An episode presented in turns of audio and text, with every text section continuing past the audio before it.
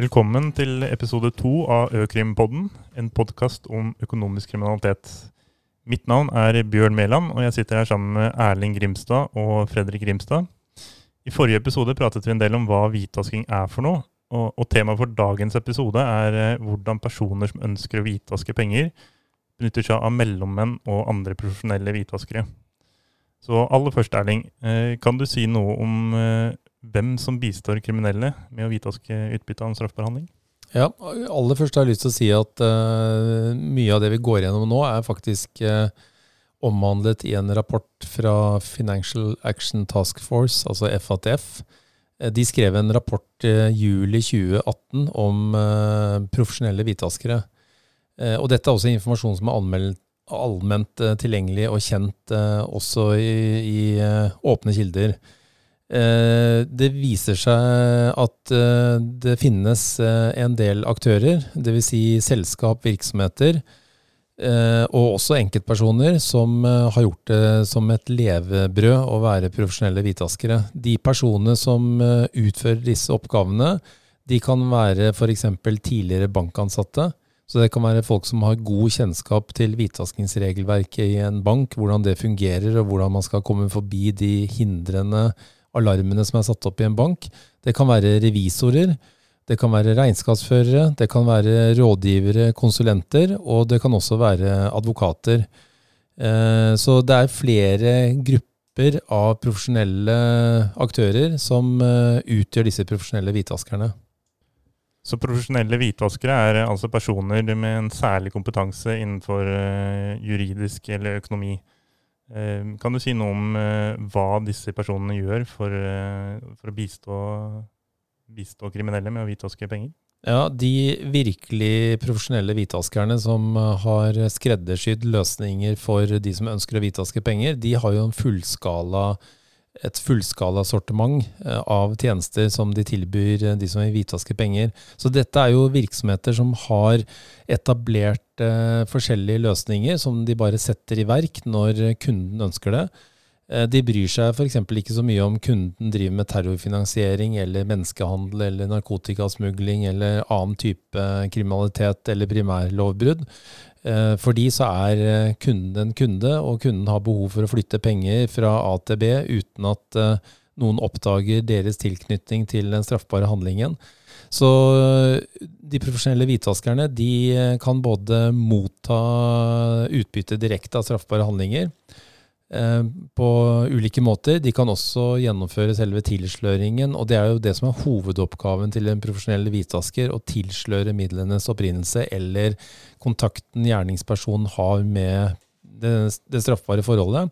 Og Dessuten så kan de også tilby løsninger til kundene sine, hvor de klarer å plassere utbytte fra straffbare handlinger i forskjellige formuesgoder, det være seg edelstener, Eh, kostbare klokker, eh, eiendommer, eh, selskap og andre formuesobjekter som pengene kan plasseres inn i uten at det vekker noe mistanke. Hvordan går de profesjonelle hvitvaskerne frem når de hvitvasker penger? Er det mulig å si noe om, om de bruker en type metodikk? Ja, det, det vi vet bl.a. fra rapporten fra FATF som jeg viste til, det er at de har et Eh, et knippe av virkemidler som de benytter seg av. Eh, noe av det som er eh, relativt vanlig, er det som på fagspråket kalles trade-based money laundering. Som går ut på at du flytter angivelig en vare fra et sted i verden til et annet sted i verden, og det utløser en faktura, som igjen utløser en betaling. Det er bare det at den varen finnes ikke, den er ikke til, eller varen har en mye dårligere kvalitet og en lavere pris enn det som faktureres. Eh, og, og, det betyr at eh, varer bytter tilsynelatende hender med helt fiktiv fakturering for å få gjennomført en tilsløring av verdioverføring fra en person til en annen med bakgrunn i, i hvitvasking. Det, det, er mange eksempler på hvordan man lager fiktive fakturaer. Det er også eksempler på hvordan man lager eh, fiktive tolldeklarasjoner, sånn at eh, alt skal se helt uh, vanntett ut. Og det er åpenbart at de som gir råd om dette til de som ønsker å hvitvaske, De vet hva myndighetene ser etter, de vet hva bankene ser etter, og andre rapporteringspliktige ser etter. Og de går forbi alle de hindrene som finnes. Noen profesjonelle hvitvaskere har også et eget oppsett hvor de driver kjøp og salg av virksomheter. Så det som for andre ser ut til å være en reell overdragelse av en virksomhet eh, fra én eier til en ny eier, det er i realiteten bare en kamuflering av eh, en, eh, en transaksjon som handler om å tilsløre opprinnelsen av midlene som stammer fra straffbare handlinger. Eh, en annen måte de gjør det på, er at de etablerer helt fiktive lånearrangement eller låneforhold, sånn at den som hvitvasker penger, forteller andre, f.eks. en bank, at man skal tilbakebetale tidligere lån. Det lånet er helt fiktivt, det har aldri eksistert, men man lager en del dokumenter sånn at det skal se ut som om det er en, eh, en reell gjeldsforpliktelse eller et reelt lån. Det kan også være andre fiktive krav. Det kan være kontrakter som er uh, helfalske, altså helt uten innhold, som advokater til og med blir bedt om å sette opp uten at advokaten nødvendigvis vet at de blir lurt av sin klient. Uh, det kan være fiktive um, utbytter fra næringsvirksomhet som man i realiteten ikke har har krav på. Og Det kan også være smugling av eh, kontanter. Det finnes faktisk eh, eksempler på personer som har som oppdrag å smugle kontanter eh, over landegrensene. En av de mest kjente korrupsjonssakene vi har i Europa, som var knyttet til Siemens, ble faktisk oppdaget første gangen ved at en av pengekurerene som smuglet penger på kroppen til et skatteparadis i Europa, ble tatt på grensen og fortalte at han eh, var ansatt som eh, en pengekurer for Siemens, og det åpnet for etterforskning av et såkalt eh, slush-fond, eller altså et, en hemmelig bankkonto med Siemens-penger som ble brukt til bestikkelser rundt omkring i verden. Så fremgangsmåtene er mange, de er kreative og kompliserte.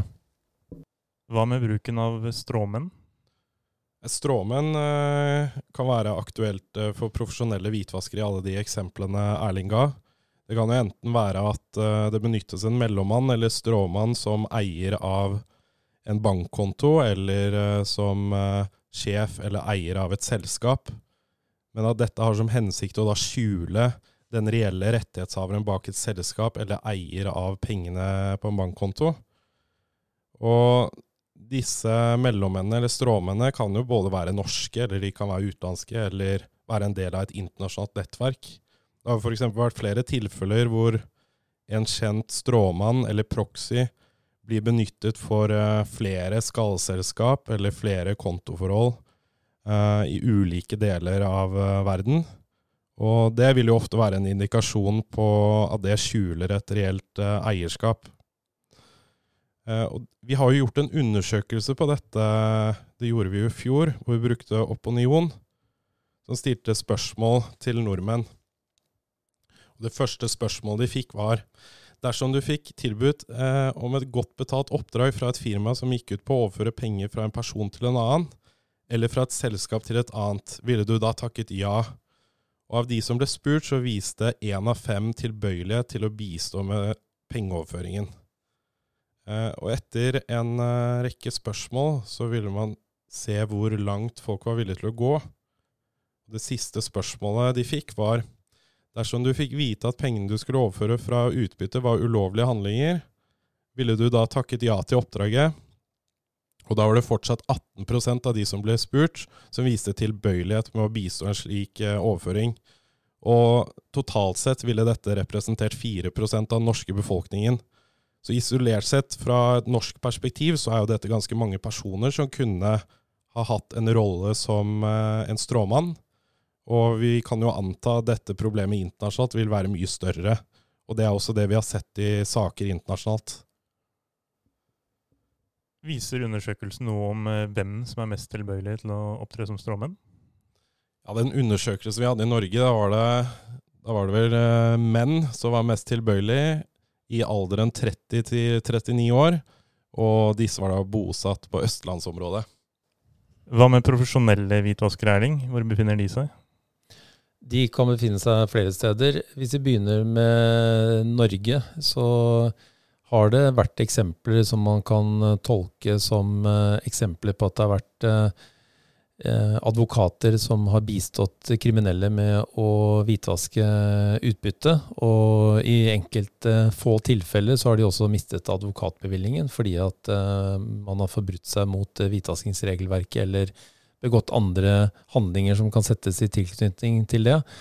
Men internasjonalt så ser vi at det er særlig knyttet til eh, skatteparadis hvor vi finner en del av disse miljøene. Det kan være del av et miljø med tilknytning til faktisk et større rådgivningsmiljø, eh, som også helt eller delvis utfører andre oppgaver, hvor dette med å være profesjonell hvitvasker er en del av tjenestetilbudet. Eh, men de befinner seg, de, de, fleste som eh, i hvert fall jeg kjenner til og har hørt om, de befinner seg i skatteparadis. Og fra skatteparadisene så nyter de jo sekretessebestemmelser som gjør at eh, det er ikke noe innsyn på konto, det er ikke noe innsyn i noen regnskapsopplysninger osv. Så, videre, så de kan leve i det skjulte, de kan operere i det skjulte.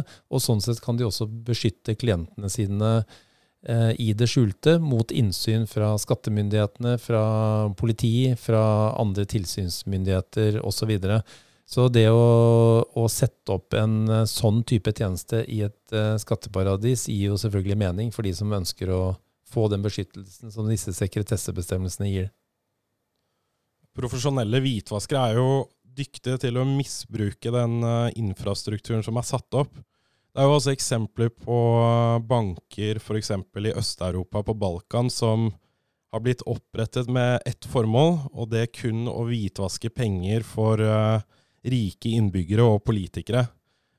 Og Da ser man jo hvordan banker kan uh, stå som en sentral brikke i et uh, slikt komplisert hvitvaskingsoperasjon. Og for noen tilfeller da, så har jo disse bankene også mistet sin konsesjon til å drive bankvirksomhet i det landet. Det er veldig interessant. Eh, og da har jeg et spørsmål. Hvis jeg hadde vært rapporteringspliktig, hvordan skulle jeg gått frem for å avdekke at eh, min kunde i realiteten enten er en profesjonell hvitvasker eller en stråmann? Altså jeg, jeg, mener jo at dette er noe av det som uh, gjør dette med bekjempelse av hvitvasking så utrolig krevende for banker. Uh, fordi at dette er kunder av banken og deres medhjelpere som gjør alt de kan for å tilsløre sannheten om hvor midlene stammer fra, hvor midlene skal, hvem som har befatning med midlene. Så dette er jo aktører som eh, til og med tar betalt i en del tilfeller for å gi den tjenesteytingen det er å skjule disse midlene. Eh, og det er den risikoen eh, også banker og andre rapporteringspliktige står opp imot. Og den eneste måten å å demme opp for den type kunder, det er faktisk å sørge for at man har en god kundekontroll, særlig ved onboarding, Altså ved det, den situasjonen, det tilfellet hvor kunden kommer som ny kunde, eller kunden endrer karakter, da, kanskje en privatkunde som plutselig etablerer et selskap, og da skal etableres eh, som ny kunde med sitt selskap, at man da gjør en, en skikkelig god kundekontroll, er på vakt mot de som eh, sier at de representerer kunden, men som ikke kan svare på spørsmål om eh, siste års omsetning, hvor mange ansatte de har, hvem som er deres viktigste kunder osv. Alle sånne type eh, spørsmål bør en innehaver av en virksomhet kunne svare på. Og der hvor man møter en kunde som må tilbake og undersøke såpass enkle spørsmål, så bør man få en, en eh, aktsomhet og være tilbakeholden med å etablere kundeforholdet sånn uten videre. Så det er særlig ved onboardingen, starten når man tar kunden om bord, at man bør være oppmerksom Dernest så vil jeg si at uh, vi ser også internasjonalt eksempler på at kunden endrer karakter. La oss si at du har en uh, bedriftskunde som du kjenner over lang tid, som har en regulær eh, omsetning, kanskje en sesongvariasjon i sin omsetning, og det har sammenheng med at de f.eks. Eh, selger juletrær eller andre sesongbetonte varer. Eh, da kan man lett følge en trend, men så skjer det noe i håndteringen av kundemidler som gjør at den trenden endrer seg. De får f.eks. veldig mye høyere omsetning uten flere ansatte. De begynner å selge til kunder utenfor geografiske områder som de vanligvis har solgt varer til. De begynner å produsere noe som man ikke kan forstå at de har produksjonslokaler til, osv. Det er noe som ikke stemmer med det man kjenner til med kundens vanlige atferd.